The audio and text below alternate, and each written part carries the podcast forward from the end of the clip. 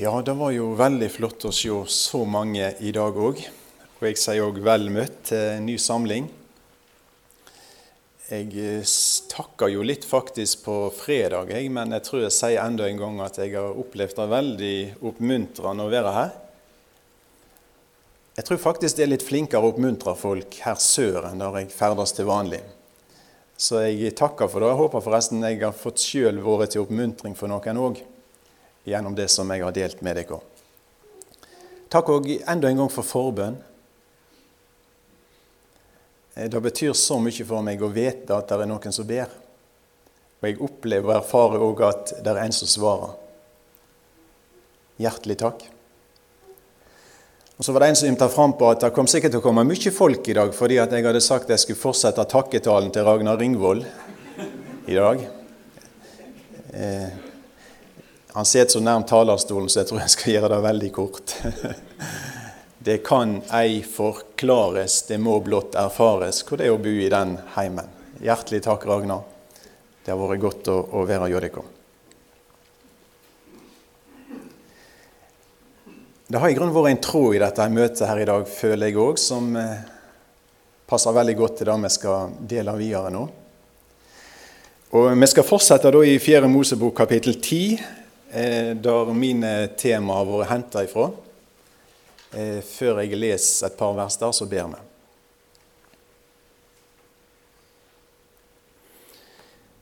Gode himmelske Far, vi stiger fram for deg i Jesu navn. Og så ber vi enda en gang, gi oss ei nådestund, og la oss få gjøre erfaring av at du er her.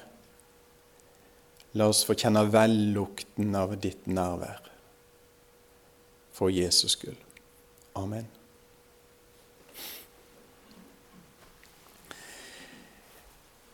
Jeg skal lese vers 8 og vers 10 i 4. Mosebok kapittel 10. Og så skulle jeg gjerne preikt en stund om det vi ikke fikk tid til å preike om. fordi det var en del ting i denne teksten som jeg gjerne kunne tenkt å gå inn på òg, så ikke det ble tid til. Men nå leser jeg vers 8. Og Der står at det er Aronsønnene, prestene, som skal blåse i trompetene. Det skal være ei evig lov fra dykk, fra slekt til slekt.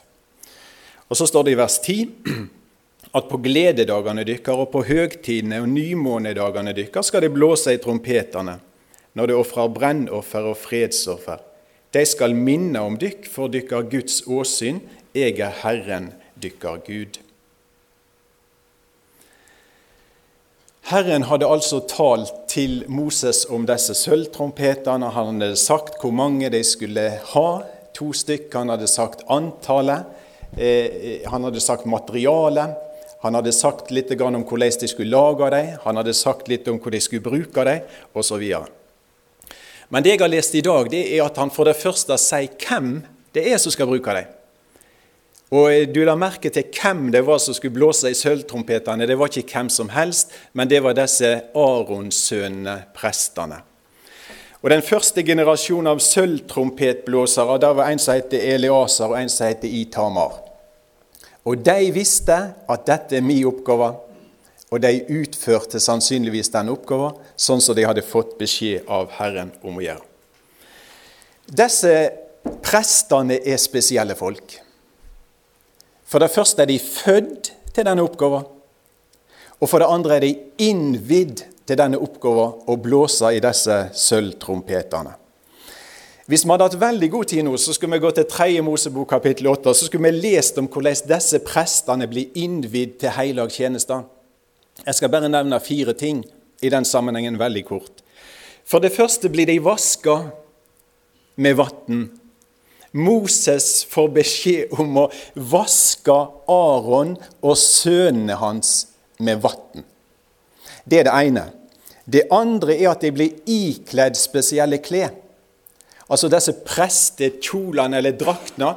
De får et belte rundt livet, og de får noen flotte huer på hovene sine. Altså, de blir kledd opp til denne tjenesten. Det tredje er at de fører fram en vær en innvielsesvær. Og så legger prestene hender på denne her væren. Og så står det ikke mer, men sannsynligvis skjer det som skjedde ellers, at de bekjenner synd, de overfører synd til væren. Så hentes det en kniv, og så stikkes væren, og så dør veden. Og så tar de blodet av denne veden, og så stryker de blodet av veden på høyre øreflipp, på høyre tommeltott og på høyre stortå til disse prestene. De blir blodmerka. Det fjerde som skjer med prestene som skulle innvies, det er at det blir tatt salvingsolje fra alteret.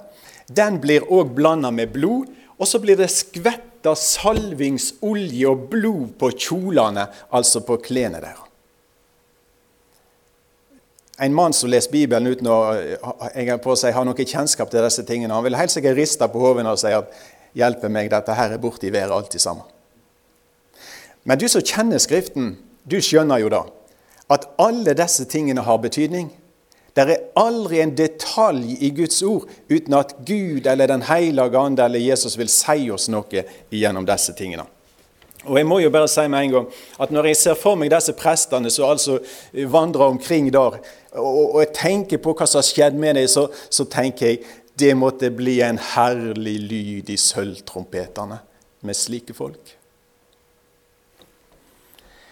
nyvaska, nykledde, blodmerkte, salva med olje. Vet du hvem dette dreier seg om i dag? Det dreier seg om Guds folk i den nye pakt. Det dreier seg om det kongelige presteskapet som Peter taler om. Det dreier seg om deg som en kristen. Hva er skjedd med deg? Ja, det har skjedd så ufattelig mye at jeg tror ikke vi skjønner dimensjonene før vi er hjemme. Men det er iallfall skjedd at du er vaska, både i blod og i vann. Du er kledd opp, så i himmelen er det ingen som skal se en eneste svart flekk på kledningen din. Du er altså blodmerka, og du er salva med Den hellige ande. Når du tar imot den Herre Jesus Kristus, så får du Den hellige ande som innseil, som pant. Du har verden imot deg, du har Satan imot deg, du har Gud for deg, og du har Gud i deg ved Den hellige ande. Og da sier jeg da er mulighetene enorme for at du kan bli en glimrende sølvtrompet og at du kan frambringe noe signal i denne syndens og dødens verden som gjør at mennesket skjønner Guds rike er virkelig, Jesus er virkelig, Gud er virkelig, himmelen er virkelig, fortapelsen er virkelig. Altså De får noe signal som gjør at de skjønner tingene.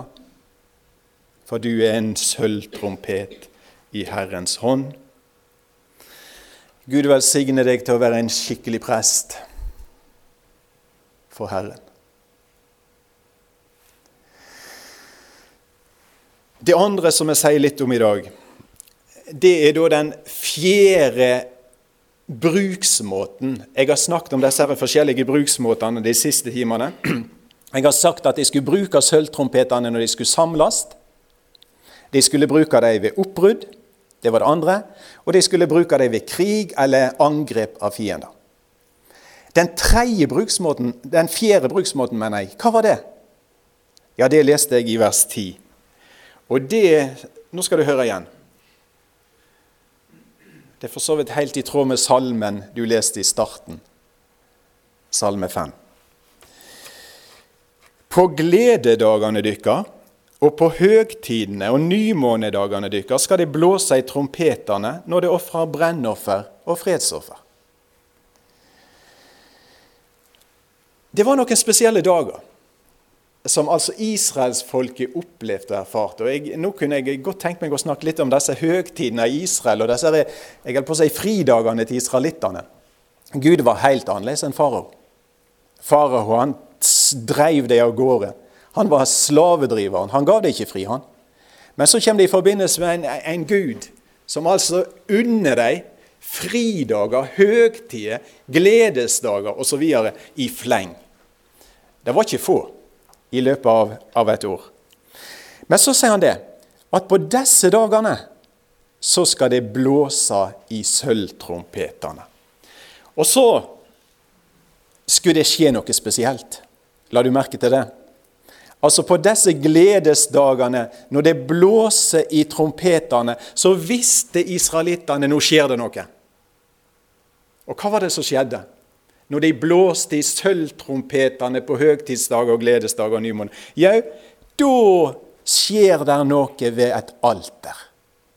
Da ofra de brennoffer og fredsoffer. Og så veit Aronsønnene når dette begynner å skje, da blåser vi i sølvtrompetene. Og så visste israelittene som var rundt i leiren, så kunne de høre med ørene sine nå skjer det noe med alteret. Altså Fokus blir på en måte dreid imot et alter, imot en offerplass og imot noen dyr som blir ofra der. Jeg får si igjen at jeg regner med at du som er her i dag, du er kjent i Mosebøkene, og du er kjent i Det nye testamentet. Og eh, jeg tror helt sikkert med de fleste av oss her i dag i alle fall, er enige om at når du leser om offer i Det gamle testamentet, og når du leser om offerplasser i Det gamle testamentet, så dreier det seg egentlig om én ting. Altså, disse ofrene har en profetisk funksjon. Og Når jeg tenker og leser Det gamle testamentet, så, så må jeg jo bare si jeg er jo forundra mer enn én en gang over alle disse detaljene. Og alle disse forskjellige ofrene. Altså, du hadde, du hadde syndoffer, og du hadde skuldoffer, og du hadde matoffer, og du hadde drikkoffer, og du hadde brennoffer, og du hadde fredsoffer. Altså, At de klarte å holde greia på alt dette. da. Og offerplasser og alter altså Dette går igjen i, i, hele Det gamle testamentet. Det er en rød tråd i hele Det gamle testamentet. Hva er det Gud vil si gjennom disse tingene? Vi har jo det der ordtaket, eller sitatet, at 'det hjertet er fullt av, det taler munn'. Vet du hva Guds hjerte er fullt av? Jesus. Vi sang, eller synger på barnesamling av og til. Jeg er fryktelig glad i den sangen. Jeg. Boken om Jesus er boken for meg. Vet du hva Bibelen er? Det er boken om Jesus.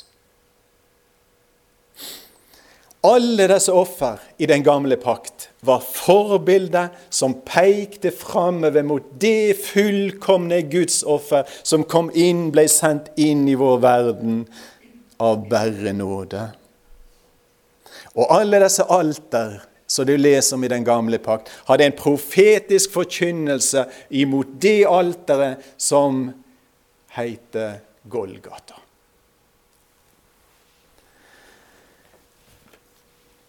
Hva er vår hovedoppgave i denne verden som Herrens medarbeider? Jeg har lyst til å si det sånn i dag.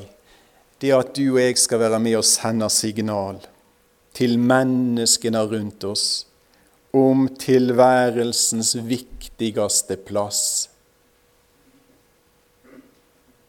Golgata. For et alter! Og for et offer! Og for et toppunkt i tilværelsens historie når der henger en mann på det korset og dør for all verdens synd. Der er bergingsknausen for alle fortapte syndere. Der løser Gud menneskene sitt hovedproblem. Jeg ser jeg lever i en verden som er full av problemer, og de, de registrerer disse problemene. De klarer ikke å løse dem, men de, de registrerer dem. Men de har ofte feil fokus, for hovedproblemet har ikke de skjønt. Hovedproblemet til menneskene sitter i hjertet og heter synd. Og for så vidt er kanskje ikke det hovedproblemet heller, for jeg kan godt si det litt på en annen måte. Hovedproblemet er Gud. For hvis det ikke var Gud, så var ikke synd heller noe problem. Men du skjønner, der fins det en Gud, og denne Gud er hellig, og denne Gud tåler ikke synd. Det er problemet. Og jeg er synd. Og så er det en Gud som er tre ganger hellig og aldri kan forenes med synd. Det er problemet. Så er det et alter der det er et offerlam som ordner problemet. Jeg har ingenting større å forkynne i denne verden enn offerstaden Golgata. Der åpnes paradisveien for alle slags røvere. Det var ikke verst å få han med til himmelen, han som hang der.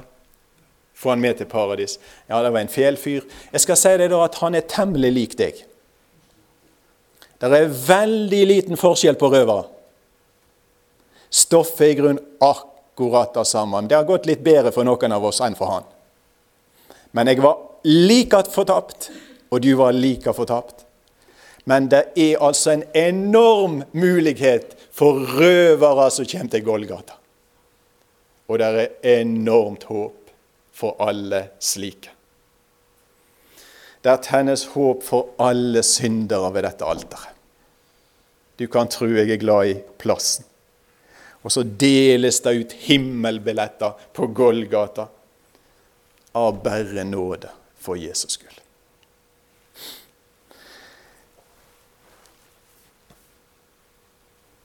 Der starta de virkelige gledesdagene i et menneske sitt liv.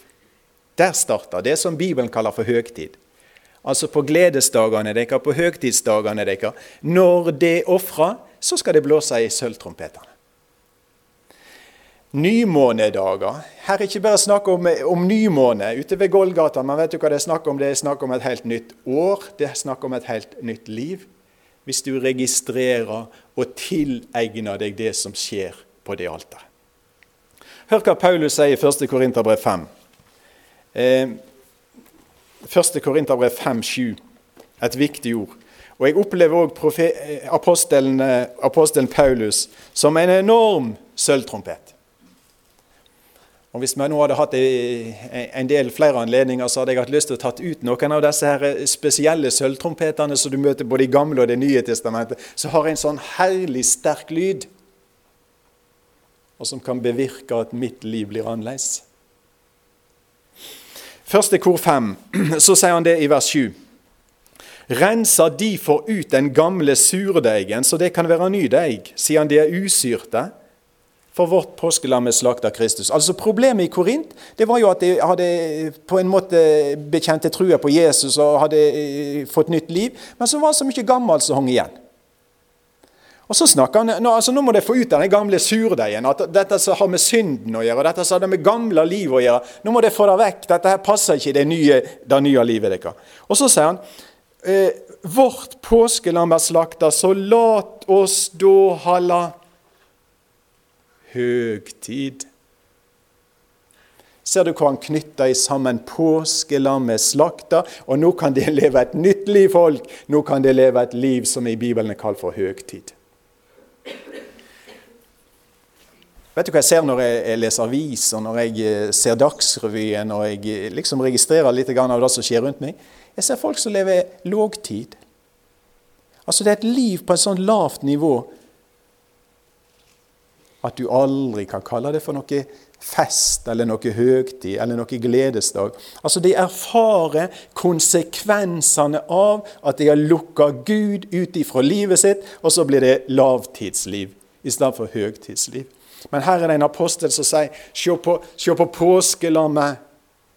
Bli opptatt med påskelammet, og så stiger du inn, og så lever du ut det nye livet.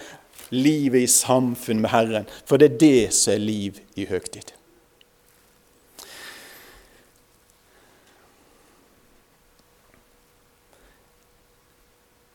Når eh, Herren kalte folk ut av Egypt, så var en av beskjedene som han gav til dem, at de skal ut og Moses og Aron sier til farao at Herren har sagt at folket skal ut fordi at de skal holde høgtid. De skal holde høgtid for meg. Altså Han vil løfte dette folket opp på et annet nivå. Han vil løse dem og føre dem ut fra faraos innflytelse. Og så vil han løfte dem inn i sitt fang, og så sier han nå skal de leve høgtidsliv er vi sølvtrompeter som klarer å formidle noe signal til folk i denne verden. At det er et liv som er annerledes. Det er et samfunn du kan komme inn i, som løfter deg, og som gjør at du kan tåle òg alt som er vondt og vanskelig i denne verden. De kristne må gjennom utrolig mange vanskelige ting. De er ikke spart for noe som helst, ser det ut for. Men de har noe som gjør at livet likevel er annerledes. Det er en i deres nærhet som gjør at livet er høyt i, sjøl om det er trøbbel.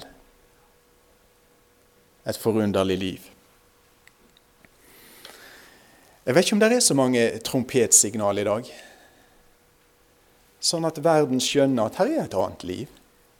Altså Det er noe annet du kan bli engasjert av, det er noe annet du kan investere livet ditt i enn det som forgår.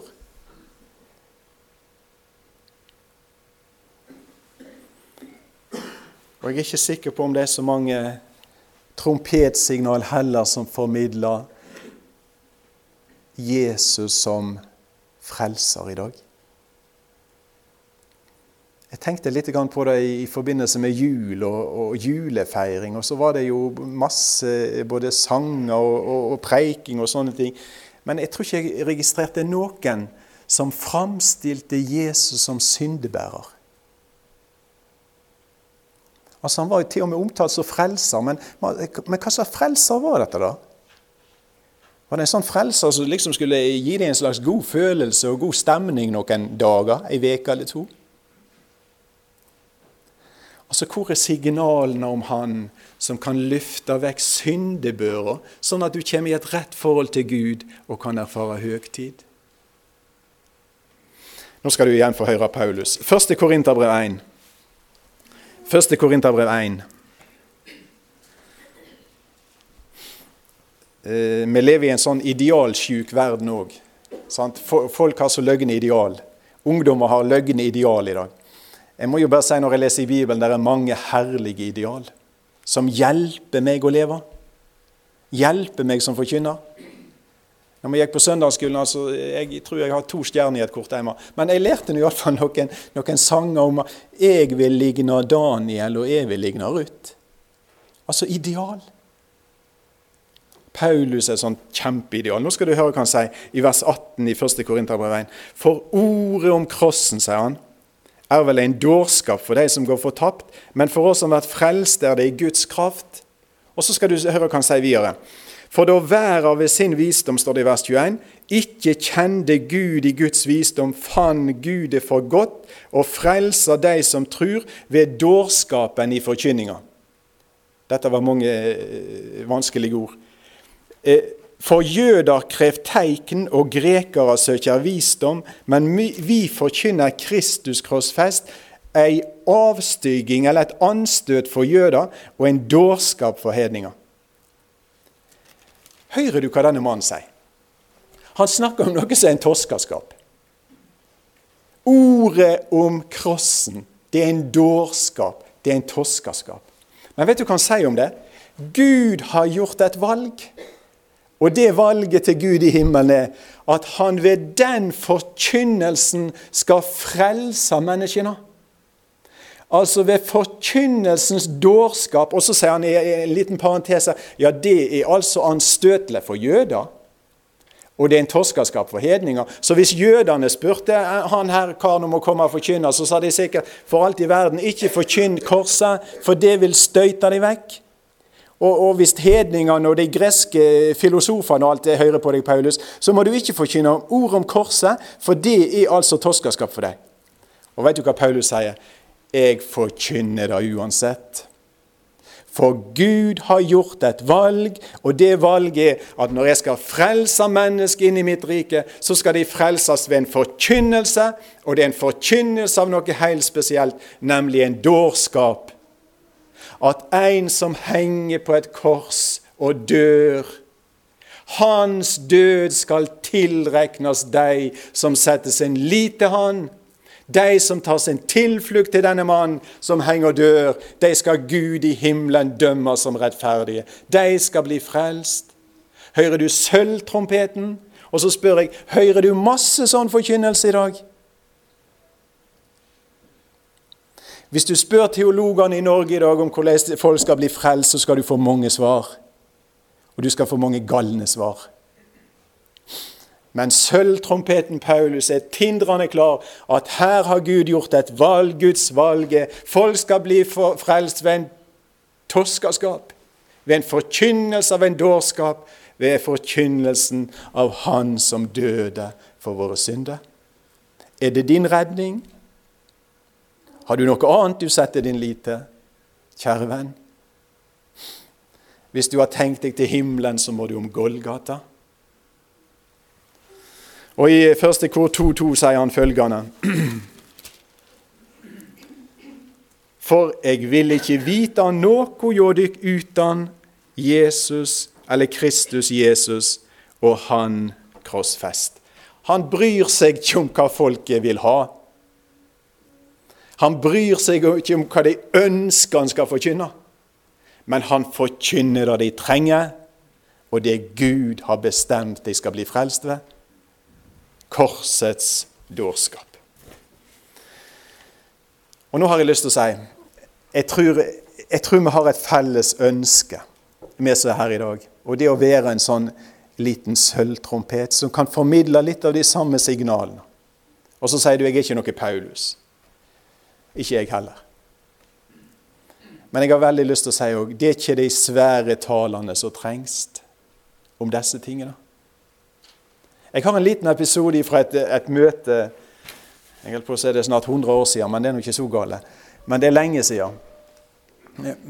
Et ungdomsmøte på et bedehus oppe i Nordhordland en plass. Og Det var sånn at jeg skulle ha en andakt, og så skulle vi ha en sang, og så var det mat. Og Jeg begynner på andakten min og, og snakker nå litt. Grann, da.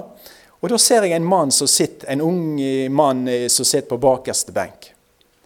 Og han er meget eh, tydelig berusa. Og når jeg hadde sagt amen, og vi hadde sunget sangen, så kommer han rett fram, og så går han løs på meg. Og så motsier han alt som jeg hadde sagt. Og sier at dette da du sa, det var bare tull. Og, det der, og, jeg har aldri, nesten verken før eller senere, hørt en mann som har sagt så mye på så kort tid. Det var så et sånn eh, maskingevær de luxe, omtrent. Og jeg lot han bare preike i vei. Jeg vet ikke hvor lenge han holdt på, men jeg tror nesten han holdt på i fem minutter. Og jeg bare satt der. Og så tenkte jeg nå litt, og så sukka jeg nå litt til Gud. Jeg kunne jo lagt opp med en sånn fempunkts forsvarstale. sant? Og så bare sa jeg, hør her. Jeg kjenner en som har gjort mer for deg enn noen andre. Han døde for deg. Det er Jesus. Jeg sa ikke mer. Det var omtrent som munnen hans small igjen. Han ble aldeles stum, og så begynte tårene å renne, og så sprang han ut. Tydelig berørt. Men det som jeg har tenkt på mange ganger Jeg vet ikke hvor det gikk med han. Men det som jeg har tenkt på mange ganger etterpå, det jeg sa der, kan alle si. Du òg. Det er en som har gjort mer for deg enn noen annen. Han døde for deg. Vet du hva du blir hvis du framstiller det vitnesbyrd? Du blir en enorm sølvtrompet. Og hva resultatet er vært, det vet vi ikke. Men jeg har en anelse om at kanskje det blir noen overraskelser i himmelen. Og kanskje ditt liv og ditt vitnesbyrd så ofte var så mislykka, likevel brakte noen signal inn i noen hjerte som gjør at du møter det igjen en dag.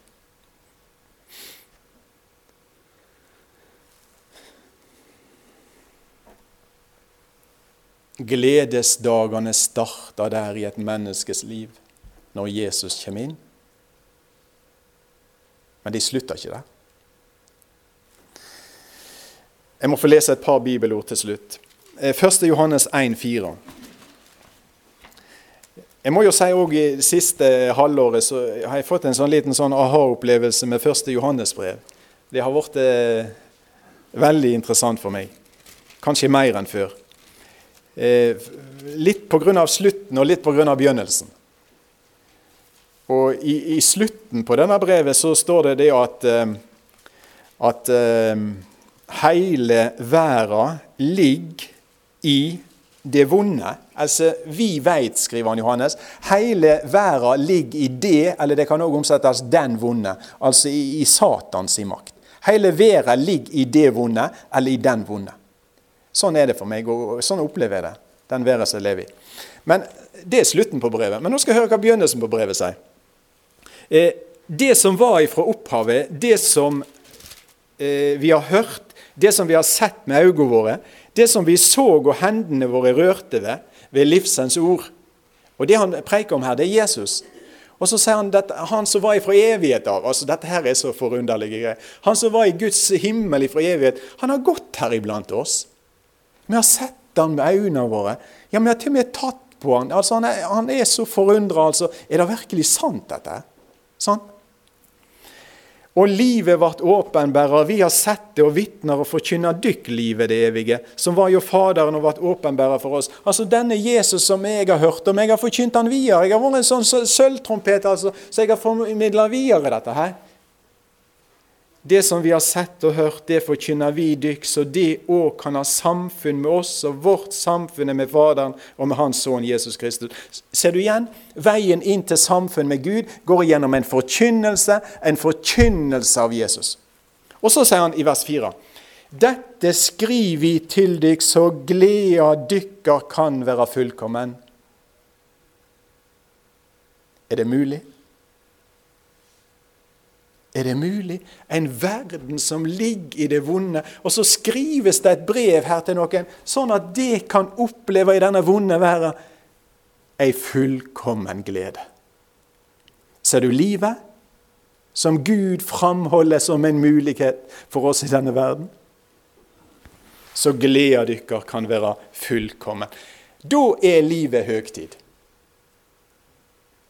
Men det har med noen trompetsignaler å gjøre som fører mennesket inn i dette livet, inn i dette samfunnet med Faderen og Sønnen og Den hellige ande. Og så slutter det ikke. Det skal jeg gjøre snart. Men dette livet her, det slutter ikke. Har ingen ende. Å, du, på Guds kalender for folket sitt er det ufattelig mange gledesdager. Og de største ligger framfor. Jeg tror israelsfolket gledde seg både til påske og til pinse og til lauhyttehelg og alt det samme. Men du, vi har mye mer å glede oss til. Og Det kommer noen dager, og her har du jo stoff for en ny bibelveke. Det kommer noen dager på Guds kalender da alt det du har erfart inntil nå, vil bare bleikne og bli null og niks. I sammenlikning med det som kommer. Og så kommer det en dag da Jesus kommer. sant? Opp i lufta med et bydende rop og, og overengels røst. Og ikke med en sølvtrompet, men med Guds basun, og det blir en annen lyd. Og så skal han blåse. Og når han blåser, skjønner du, så forsvinner alle på Mosby som tror på han. Et bydende rop. altså En dag står han utenfor ei grav, og så sier han 'Lasarus, kom ut'. Og Så var det en som sa at det var godt han sa Lasarus, ellers hadde han tømt alle gravene den dagen.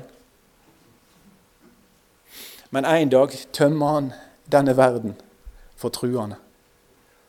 Og så byr han rop, og så løfter han opp folket sitt. Jeg håper det blir mange tomme plasser på Mosby da. Og tragedien den dagen må jo være å oppdage at kristendommen min var bare teori. Jeg bare gikk i takt med henne, jeg. Men hjertet mitt var ikke med.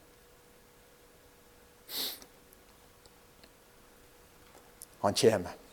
Og så ser du han. Og når du ser han, så skjer det. Så blir du lik han. Og det gleder jeg meg til. Jeg føler meg så ofte som en mislykka predikant og en mislykka tjener. Jeg skal bli en skikkelig god predikant en dag. Jeg skal altså ha en herlig lyd i trompeten min en dag. Du skjønner det at Når de ser oss i den himmelske verden, vet du hva de da sier? Da må de si Jesus var stor. Offeret var godt. Alteret var fullkomment. For det er jo ingen i himmelen som går og preker om de store predikantene og de svære tjenerne og de supre bibelleserne og de åndelige, svære, altså førstedivisjon av Krist. Det er ikke sånn det er. Men altså, de sier Jesus er stor, som klarte å få tak i de der knarkene der, og klarte altså å frelse dem, og klarte å bevare dem, og klarte å føre dem hjem, og klarte å gjøre dem lik seg. Det er himmelen. Nær Han, lik Han. Hva mangler du da? Det skal bli ei super utgave av han her gamle miseren en dag.